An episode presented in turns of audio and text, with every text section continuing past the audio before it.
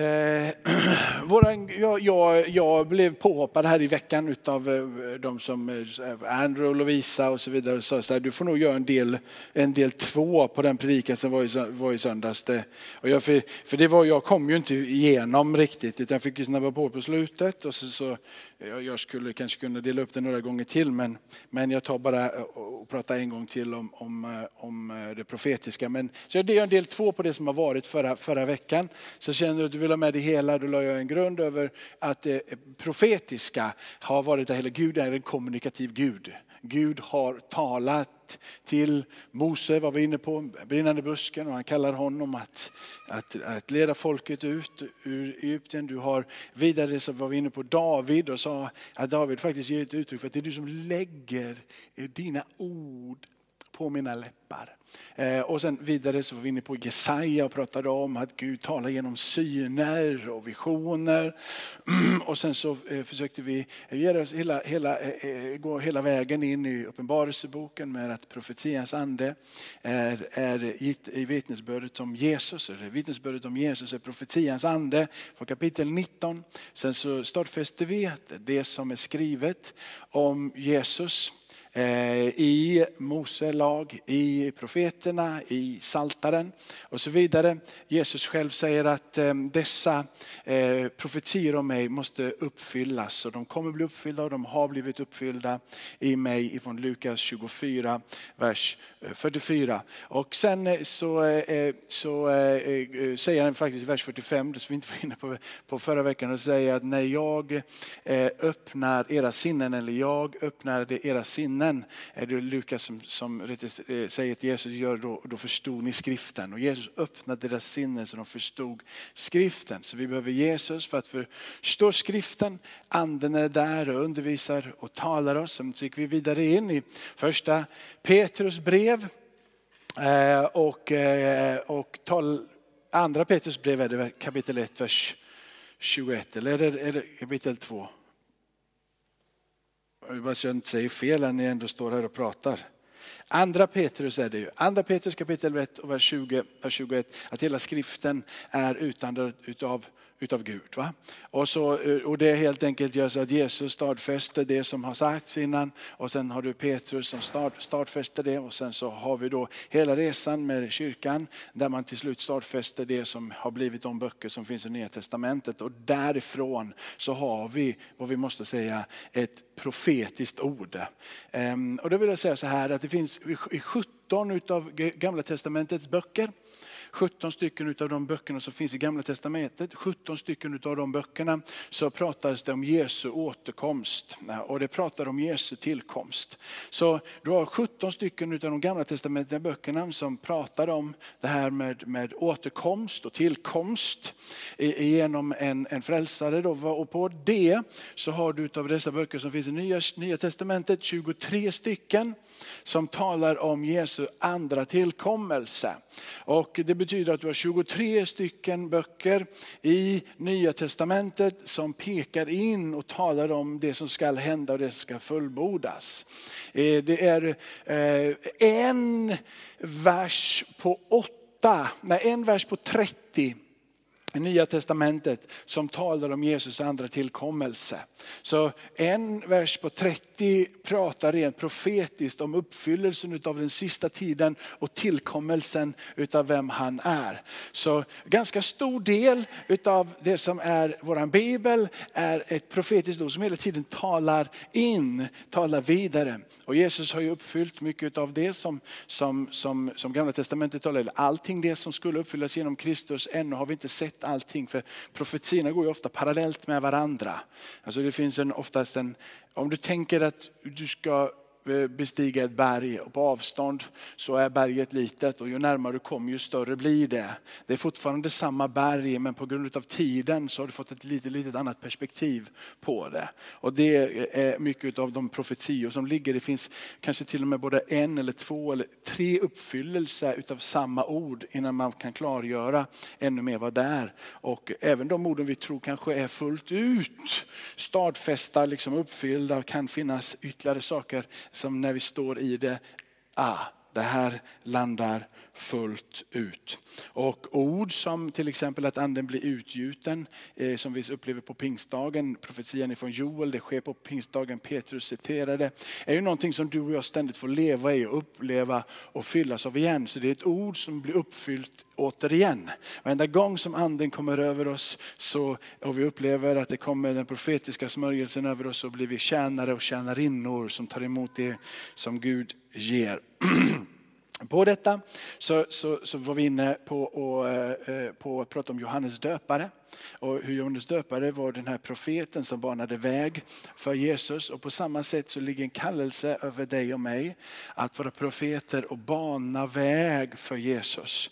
Att eh, tala om att han, precis, precis som Johannes pekade, att här kommer världens frälsare som tar bort eh, världens synd. Här omvänd er och tro evangelium. På samma sätt får du och jag tala om vem Jesus är och förbereda för den andra tillkommelsen. Och den smörjelsen har inte fallit undan. Eh, jag, jag, eh, eh, har inte tagit med mig, vi kan läsa ifrån Amos, Amos bok. Det kommer upp två stycken bibeltexter bara idag. Och ifrån Amos bok, eller profeten Amos, ifrån kapitel 3 Ja, jag, jag, väljer inte att göra eh, liksom en utläggning av, av, hela, av, av, av hela skeendet här, men man skulle väl kunna säga så här att, att Israel lever sitt eget liv. Att de väljer att ta hand om sig själva och de väljer att bara, bara liksom bli väldigt små. Och Gud säger det är inte rätt. Ni ska, ni, ni ska inte be, behandla människor så som ni behandlar människor. Och så reser Gud upp Amos. Eh, och, och, han är en liten herde och får ett stort uppdrag. Och han säger själv att han inte är en yrkesprofet. Och det innebär att han inte är en profetson, att han inte har gått i en profetskola och så vidare. Utan han har fått uppenbarelsen där ute på slätterna. Och där har Gud talat till honom och där blir han kallad. Och det är där han igenkänner sin smörjelse. Jag, jag har egentligen ingenting att säga för jag är bara en liten, en liten herdepojk. Men Gud har någonting att säga. Amen. Jag har ingenting att säga. Jag skulle inte göra det här i mig själv. Men Gud har talat. Jag kan inte vara tyst. Jag måste få dela det ord som har kommit till eh, del. Och så står det så här i kapitel 3 och vers 7. Till Herren Herren gör ingenting utan att uppenbara sin hemlighet för sina tjänare profeterna. Och jag rycker det här ut sitt sammanhang, ni fick en liten kontext av det, men jag bara rycker utifrån sitt sammanhang och säger så här, Gud vill tala. Gud vill resa upp för att folk, tjänare, tjänarinnor, för att förmedla sitt hjärta. Det ligger på Guds hjärta att få tala om vad det är han gör. Och det som är det svåra med det här och, och kunna, kunna eh, på något sätt mogna in i, om man, får, om man får använda ett sådant uttryck. Det är ju den att när Gud talar någonting som är, som är hårt eller tufft, till exempel så står det liksom en del profetior om den sista tiden att det ska bli ganska mycket eh, turbulens och så vidare. Här, va? Det kan, kan ju skapa en rädsla om man inte vet vem Gud är. Men jag vill säga så här, att varje gång som du hör ett ord om någonting som är en, en, en vad ska man säga, om förödelse, som någon säger ett profetord, så finns det Guds eviga barmhärtighet och Guds eviga omsorg och nåd inlindat i detta ord. Ett ord av dom eh, eh, lämnas inte separat ifrån Guds eviga omsorg, nåd och barmhärtighet, utan det innesluts i det. Och eh, det som man skulle göra rent spontant, om Gud kommer in och så säger jag, har, jag, jag, jag, kommer in ett hårt ord. Det är någon som, som säger Gud säger att det, att det ska regna imorgon va? och det tycker vi är jättejobbigt och så vidare. Det som skulle hända i oss är ju att vi snabbt fångar upp Bibelns Eh, innersta budskap om Guds eh, vetskap om att du formades utav han i din mammas mage. Att Gud Eh, till och med har räknat hårstråna på ditt huvud. Att du inte kan ta dig en boning ytterst i havet utan att veta att Gud är där. Det här att Gud vet vem du är och att Gud tar hand om dig. Skulle vara det första som händer om du hör ett ord utav dom på något vis. För, för det är ju så här att det som händer när Gud säger någonting, det är ju att Gud faktiskt vet vem du är. Gud säger det här kommer hända dig Hanneli, men jag vet ju att Gud vet vem jag är. Gud har talat och då måste det finnas en utväg i detta. Det måste finnas någonting som Gud vill specifikt tala till dig och mig. Gud sätter ju inte ett ord i rörelse för att skrämma livet ur dig och mig. Utan Gud sätter ett ord i rörelse för att tala om att jag har sett dig och jag vet vem du är. På samma sätt så var det det som skulle hända i Israel. När profeterna reser sig upp och säger ord utav korrektion och ord utav, så skulle de bara säga Gud vet ju vem vi är. Gud, vi är på Guds hjärta. Gud har sett oss. Gud är, och så skulle det födas en längtan i att ännu mer få vara i hans närhet. Det är på något sätt grunden i detta. Jag ska försöka att vara, vara som jag, jag är inte så, ofta så, så, så lägger jag en grund och predikar utifrån skriften och tar, men jag pratar inte så mycket om mig själv.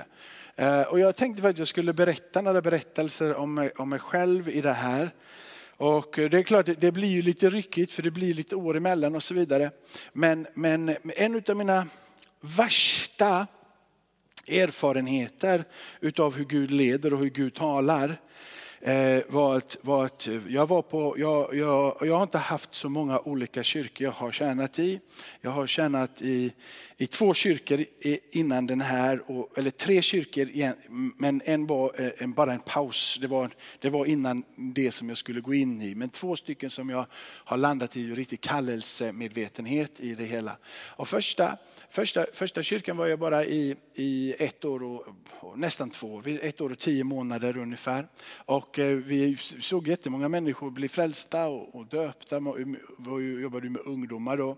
Men någonstans i mig så så, så, så landade det inte, du ska inte vara på den här platsen. Och I det här så blev det lite, lite ångest, det blev lite trubbel i, i allt möjligt. Så, där. så man bara kände, att nej.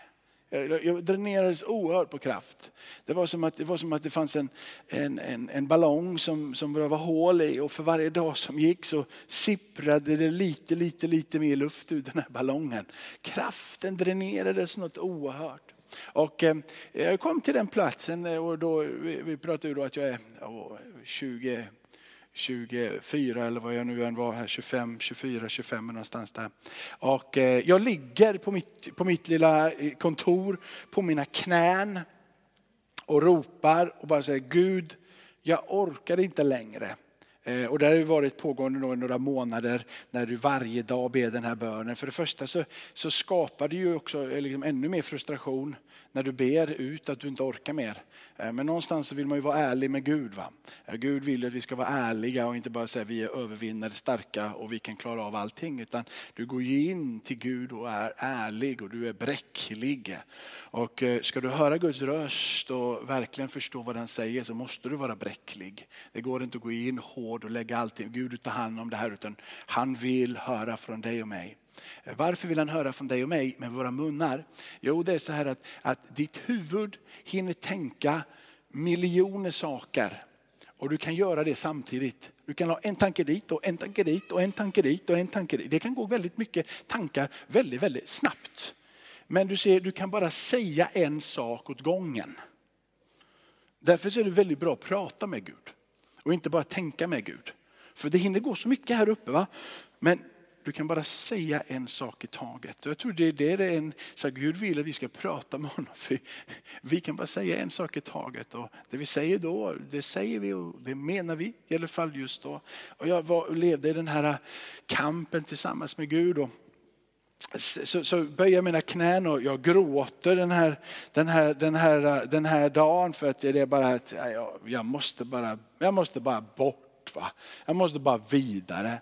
Och så lägger jag mig ner på knäna och ropar till Gud. Och mitt när jag ropar till Gud så ringer telefonusslingen. Och det är fortfarande på den här tiden då man har fasta telefoner på alla kontor och sådär. Man har inte mobiltelefon, så, eller ja, det hade jag ju, men man hade i alla fall en fast telefon. Och den fasta telefonen ringer där och jag svarar lite liksom sådär. Och då är det en pastor som ringer. Och så säger pastorn så här, ja, ja vi har pratat här och vi skulle vilja träffa dig. För att vi, vi söker en ny ungdomspastor. Skulle du vilja, vilja komma? Och det var ju som om att hela himmelen hade öppnat sig. Eh, här, här, här har jag den här ångesten, frustrationen, det håller på att jag, jag, jag ligger och gråter och det ringer.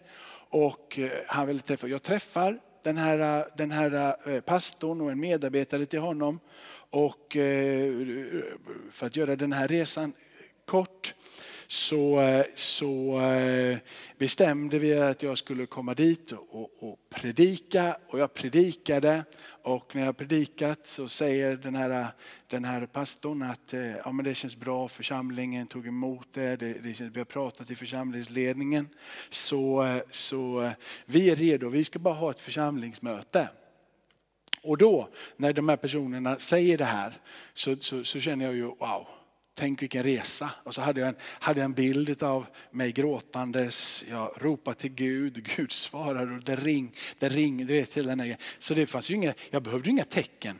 Jag behövde inte någonting mer. Jag hade fått det tecken som jag behövde. Vilket vad jag gör är att eh, vi, vi säger upp den bostad som jag och Helena har och eh, skaffa ny bostad i, i där, där den här församlingen var.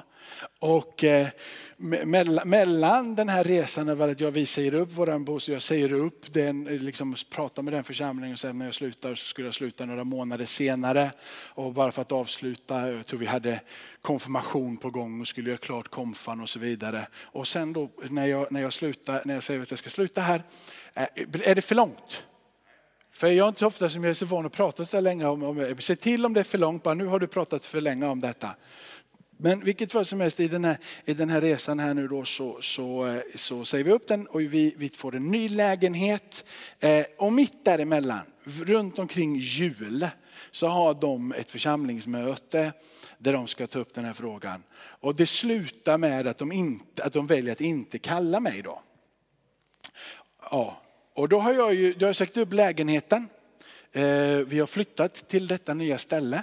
Vi har börjat be för det här stället och stå där med inte en enda kartong, eh, liksom, eh, de är nedpackade, men de har inte ens kommit in i den nya lägenheten förrän de säger att du ska inte börja här. Liksom. Jag får ingen kallelse, även om allting var klart. Det kan vi ta en annan eh, liksom, det är en annan predikan varför det inte blev på det sättet. Jag vill i slutändan komma med hur Gud kan leda. Utan att vi liksom utan att vi overdo it, men att vi måste förstå att Gud är med. Det ser ut som om att du står där och bankar och du går i väggen hela tiden och du förstår ingenting. Men du vet att när Goliat blev slagen av David så var det ju inte så att han inte hade några strider längre. Det var nästan så det började då för Davids liv. Han fick vara där ute och slåss mot björnar och, och vad det nu än var som han slogs med där på, på heden, drakar eller vad det nu än var. Men han krigade ner alla de här för att rädda sina får som han vaktade för att bli redo att slå Goliat. Och så slår han Goliat. Sen så går det inte spikrakt uppåt för David. Ser du. Eller? Har ni läst berättelserna? Det är rätt många krig han har en Saul som är efter honom. Och de enda som vill vara med honom är förbrytare och kriminella och de som ingen annan vill ha. Det är de enda som landar tillsammans med David. Det är, en, det är en hyfsat lång resa här. Va? Och det blir inte lätt när han sitter på tronen heller för den delen. Det är krig, det är kamp, det är strid hela, hela tiden. Eller hur? Ja. Så när, när, när jag, vi flyttade till den här lägenheten utan att ha ett jobb, eh, men jag får pendla tillbaka fortfarande till det andra stället. Så det gick ju att vara med lite, jag pendlade tillbaka dit och så vidare. Och, eh, och eh, sen när jag är där och har levt den här frustrationen sen jul in i februari och är allmänt uttröttad liksom på vad, hur i hela världen leder Gud i det här? Så ringer de från Citykyrkan uppe i Stockholm och säger, och säger att eh, har du någon tjänst just nu? Vi, vi har hört att du kanske är mitt emellan.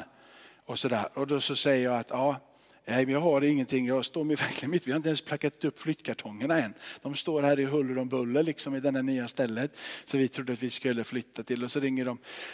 Skulle du kunna tänka dig att komma upp och träffa oss? Men ganska matt i kroppen. Liksom. Och inget, riktigt adrenalin för att åka upp, men ändå, jag måste åka upp. Liksom. Nu pratar vi om att dra ända från Göteborg upp till Stockholm. Det är en lång väg för en som eh, har bott bara i Småland och i Göteborg att landa upp i Stockholm. Jag kommer upp dit. Och då innan jag åker upp dit så säger Helena så här, nej jag vill inte, jag vet inte om det är rätt, jag vet inte, nej Stockholm, jag har gjort det, jag har bott där, jag vill inte flytta tillbaka. Det, vi vet inte liksom sådär, men åk upp i alla fall. Kom, och Helena säger innan, ja, ska vi upp dit, då ska det vara på det här sättet, säger hon. Och, och, så säger hon, jag säger bara en enda sak här utav er som, som hon sa, men hon sa det ska vara en lägenhet som de ska ordna till oss så vi inte behöver kämpa med detta. Och det ska vara högt till tak. Och då hade hon gått med på att lägenheten som vi hade innan här nu, gick hon med på att bosätta sig i ett höghusområde eh, någonstans i en förort här i, i Göteborg. Liksom. Så att hon hade gått med på bara, bara lite, att flytta till en förort och bo i den här förorten för att tjäna Gud. Så det finns inte någon extravagant näsa upp, liksom, att hon ska vara fisförnämlig i detta. Men hon hade redan känt, okej okay, jag ska sätta mig i ett höghus. Liksom. Och så bara, ska det vara igen? Och, och fly, med flyttkartonger inte upppackade så måste det vara något som det ska, det ska få tala. Så hon sa bland annat att en gammal lägenhet i ett liksom, sekelskiftshus med högt i taket och kommer upp dit. Och jag hinner inte bara träffa dem förrän sen så har vi tänkt att om ni vill det här sen så ska ni bo här. Och så kan ni komma upp dit och det är för, höga fönster och det är liksom bättre än man kan tro att det är sant. Så jag ringer tillbaka till Helena och säger så här, ja, fönstren har du fått i alla fall och lägenheten. Nu måste vi bara se det andra. Och sen så började Gud att tala. Det kom olika både profeter och det kom olika andra saker som gjorde att det föll på sin plats. Och sen så landade vi där i augusti det sam, samma år. Ingenting utav livet med Gud bara för att det kommer ett profetiskt skeende blir lätt och självklart om det profetiska skulle resa sig upp i vår församling så blir det snarare ännu större tryck och det blir ännu mer falanger. Det blir ännu mer jag upplever, det blir ännu mer jag känner, det blir ännu mer jag tycker. Det blir ännu mer utav de här olika sakerna runt omkring oss. Vilket gör att man måste be. Man måste fråga Gud hela tiden. Du tvingas in att be. Du tvingas in att lägga dig på dina, på dina knän för att ropa till en Gud.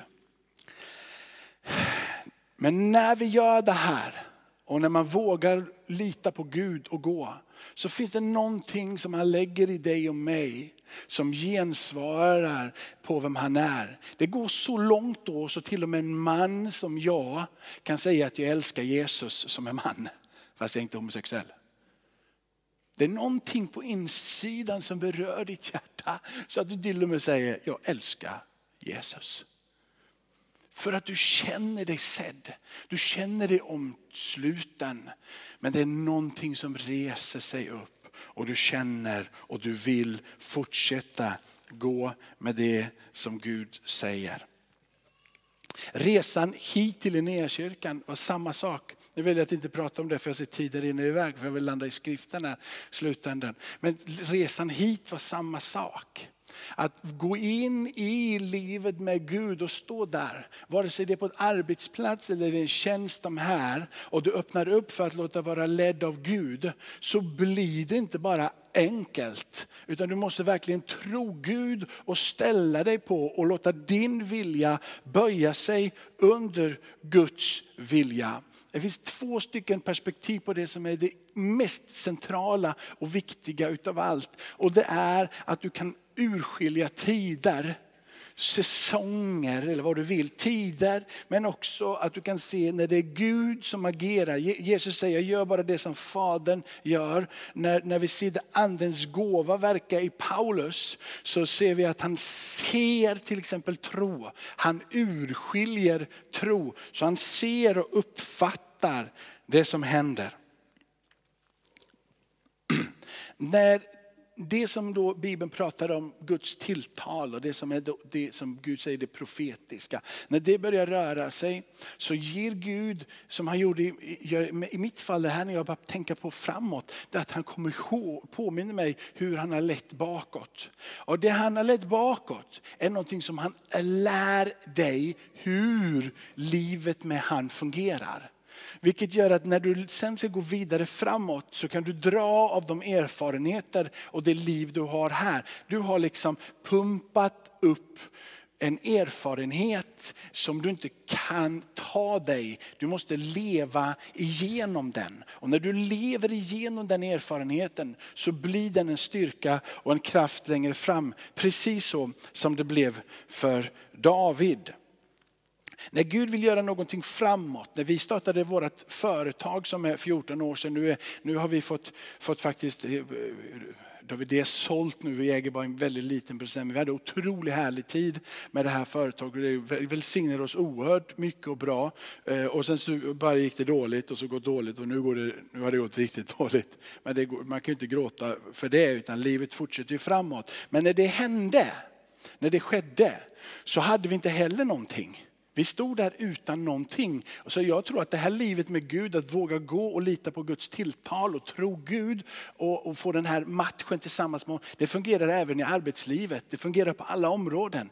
Helena och vi hade ingenting. Hon hade ingen erfarenhet, ingen kunskap och ingenting. Och sen så hade hon en dröm och en längtan efter att få starta ett klädföretag. Och, och, och, liksom sådär. och det slutade med att det blev en jätte, jätteresa och som höll på i många, många år. Nu så, nu så är det en, en, annan typ av resa. Men den höll på länge och de första två åren så tog hon inte ut någon lön överhuvudtaget. För vi fick ju lära oss det, för vi har aldrig gjort det. Så vi fick ju lära oss hur det här fungerar. Och så hade vi inga pengar heller, så vi behövde ju liksom göra det på vårat sätt.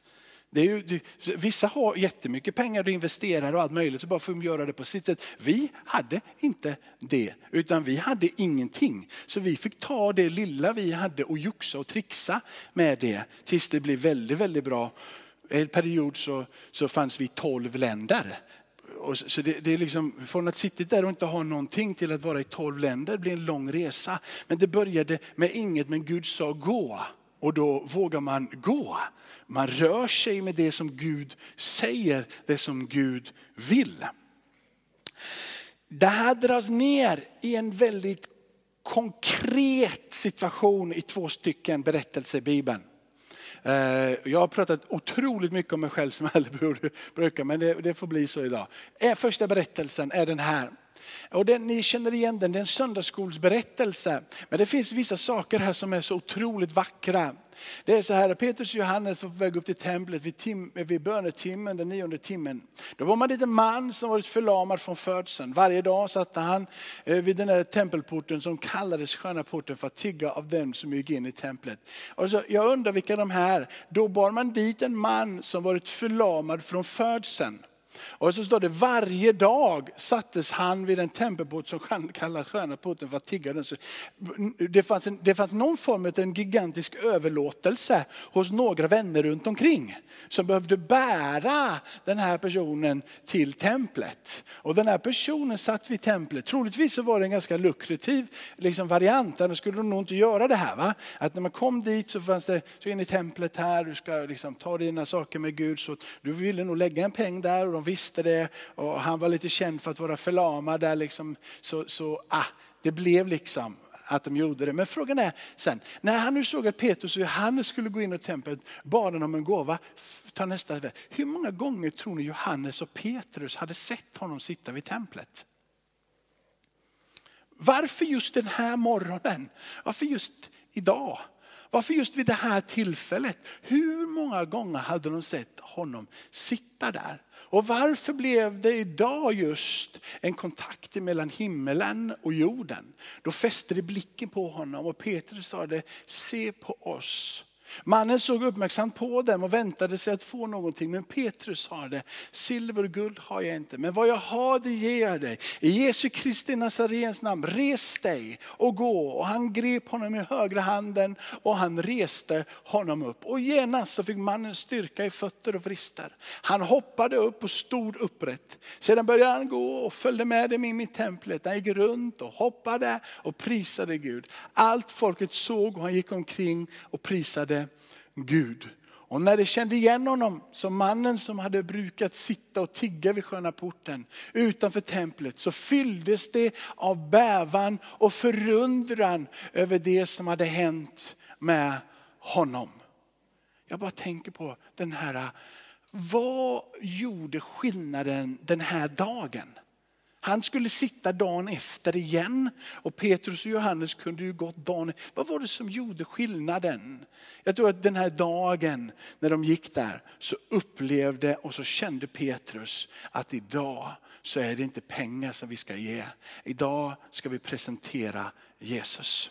Idag är dagen då Gud möter med den lame mannen vid den här porten och reser honom upp. En ingivelse på insidan att nu är det dags. Och jag önskar att vi fick vara så känsliga för Guds ande runt omkring oss. Att vi fick känna idag så är det dags. Idag är det Guds tid. Idag är det Guds vilja. Idag vill han stiga in i ditt liv. Idag så vill man, man känner verkligen hur man har stått där tillsammans, burit varandra fram, suttit med en längtan och idag så förmedlas det. Och med samma milda blick som finns i Jesu ögon får Johannes och Petrus, i det här fallet Petrus, titta på den lame mannen och säga Gud är här idag, bara för dig, res dig upp. Samma, en annan berättelse också om en lam man från Paulus liv. Vi var inne på den kort förra söndagen, men jag väljer att läsa den idag med. I Lystra satt en man som var handikappad och förlamad i benen från födseln som aldrig kunnat gå. Han lyssnade när Paulus predikade. Paulus fäste sin blick på honom och när han såg att mannen hade tro så att han kunde bli botad så sa han med hög röst, res dig upp och stå på dina ben. Då hoppade han upp och började gå omkring. Paulus i det här avseendet, han ser någonting. Paulus, Petrus fäster blicken på honom. Paulus ser någonting. Han ser någonting på insidan. Nu kändes det nästan som att nu var det inte, nu var det inte bara liksom, att de kände att Gud har talat till oss. Utan nu så var det som Paulus såg någonting. Han uppfattade någonting. Han kände ett gensvar i personen som är där. Ett gensvar, inte, inte, inte bara från himlen utan i personens egen överlåtelse. I personens egen vilja. Här fanns någonting i honom jag bara längtar och jag vill. Och det mest förunderliga i båda dessa berättelser, det är att för båda de här två så var hoppet ute. Båda var förlamade och klarade inte sig själva. Ibland så tror jag att vi behöver resa oss upp och sätta vårat budskap om förvandlade liv och den profetiska dimensionen och att ta ut och beröra folket med det som är Guds längtan, vidrörelse till frälsning, helande, upprättelse och befrielse. Rör och berör de som inte har någonting annat. Helt hjälplösa. Men det är en räddning för dig och mig varje gång vi blir påminda om det. Att när du känner dig hjälplös, när du inte längre har någon kraft, när du till och med blir, behöver bli buren till Gud själv. Då är Gud som närmast. Hans tid är som närmast. Och hans blick fäst på dig för att hjälpa dig när du inte har någonting kvar. Det är två tröstfulla berättelser men ingiven utav en skärpa ifrån himmelen som gör att deras liv blir förvandlade. Amen. Ni, ni är väldigt duktiga på att lyssna och, och sådär. Jag skäms nästan. Men, ja, nu ber vi en bön. Nu har jag fått, fått, fått, fått bygga det här med tillsammans med er. Och, eh, jag hoppas att ni, ni får, känner, känner att när, när, när Gud är på allvar så, så blir våra liv på allvar. Och då blir det många resor, det blir upp och det blir ner. Men Gud är med. Och om du känner idag, när vi går in för avslutningen, att du är som den här förlamade mannen. Du har ingen kraft kvar. Du har ingenting längre. Så är det så jag tror att om du ropar till Gud så finns det ett tecken för dig att Gud är med. Det finns en telefon som ringer och det finns en hälsning från andra sidan att jag har sett dig. Du får inte hela perspektivet på en och samma gång men Gud är med och Gud vill ditt bästa. För Gud är en god Gud. Amen.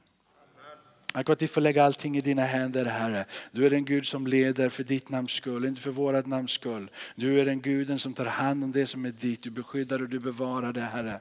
Och du väntar egentligen bara på att vi ska kapitulera inför dig. Du väntar på att vi ska ge upp inför dig så att du kan resa oss upp igen och igen och igen. Du längtar efter att få se oss bräckliga. Du längtar efter att få se oss komma till platsen utav att jag är, eller vi är, i beroende. Vi är i behov utav dig Herre.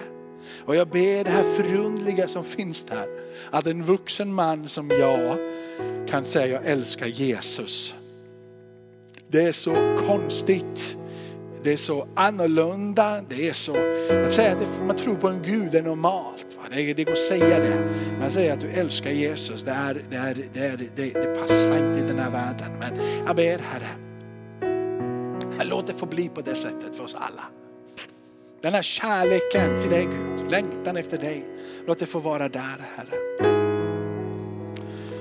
Om jag behöver liksom en, en, en, ännu mer av den här ballongen som går ut så här och bara pyser ut för att jag ska ropa jag ger upp, möt med mig. Så ber jag, låt det pysa mer Herre. Låt det få pysa så att jag står där och det enda jag har är du Herre. Och jag ber det för mina vänner här inne att, att de skulle få bara få känna att det är en bra plats när jag bara har dig Gud. För då är det du som behöver stiga in. Då är det du som förändrar. Då är det du som förvandlar. Och då är det ytterst också du som får all ära Herre. Be att du talar till folket här idag. Tala till folket här idag Herre. Halleluja.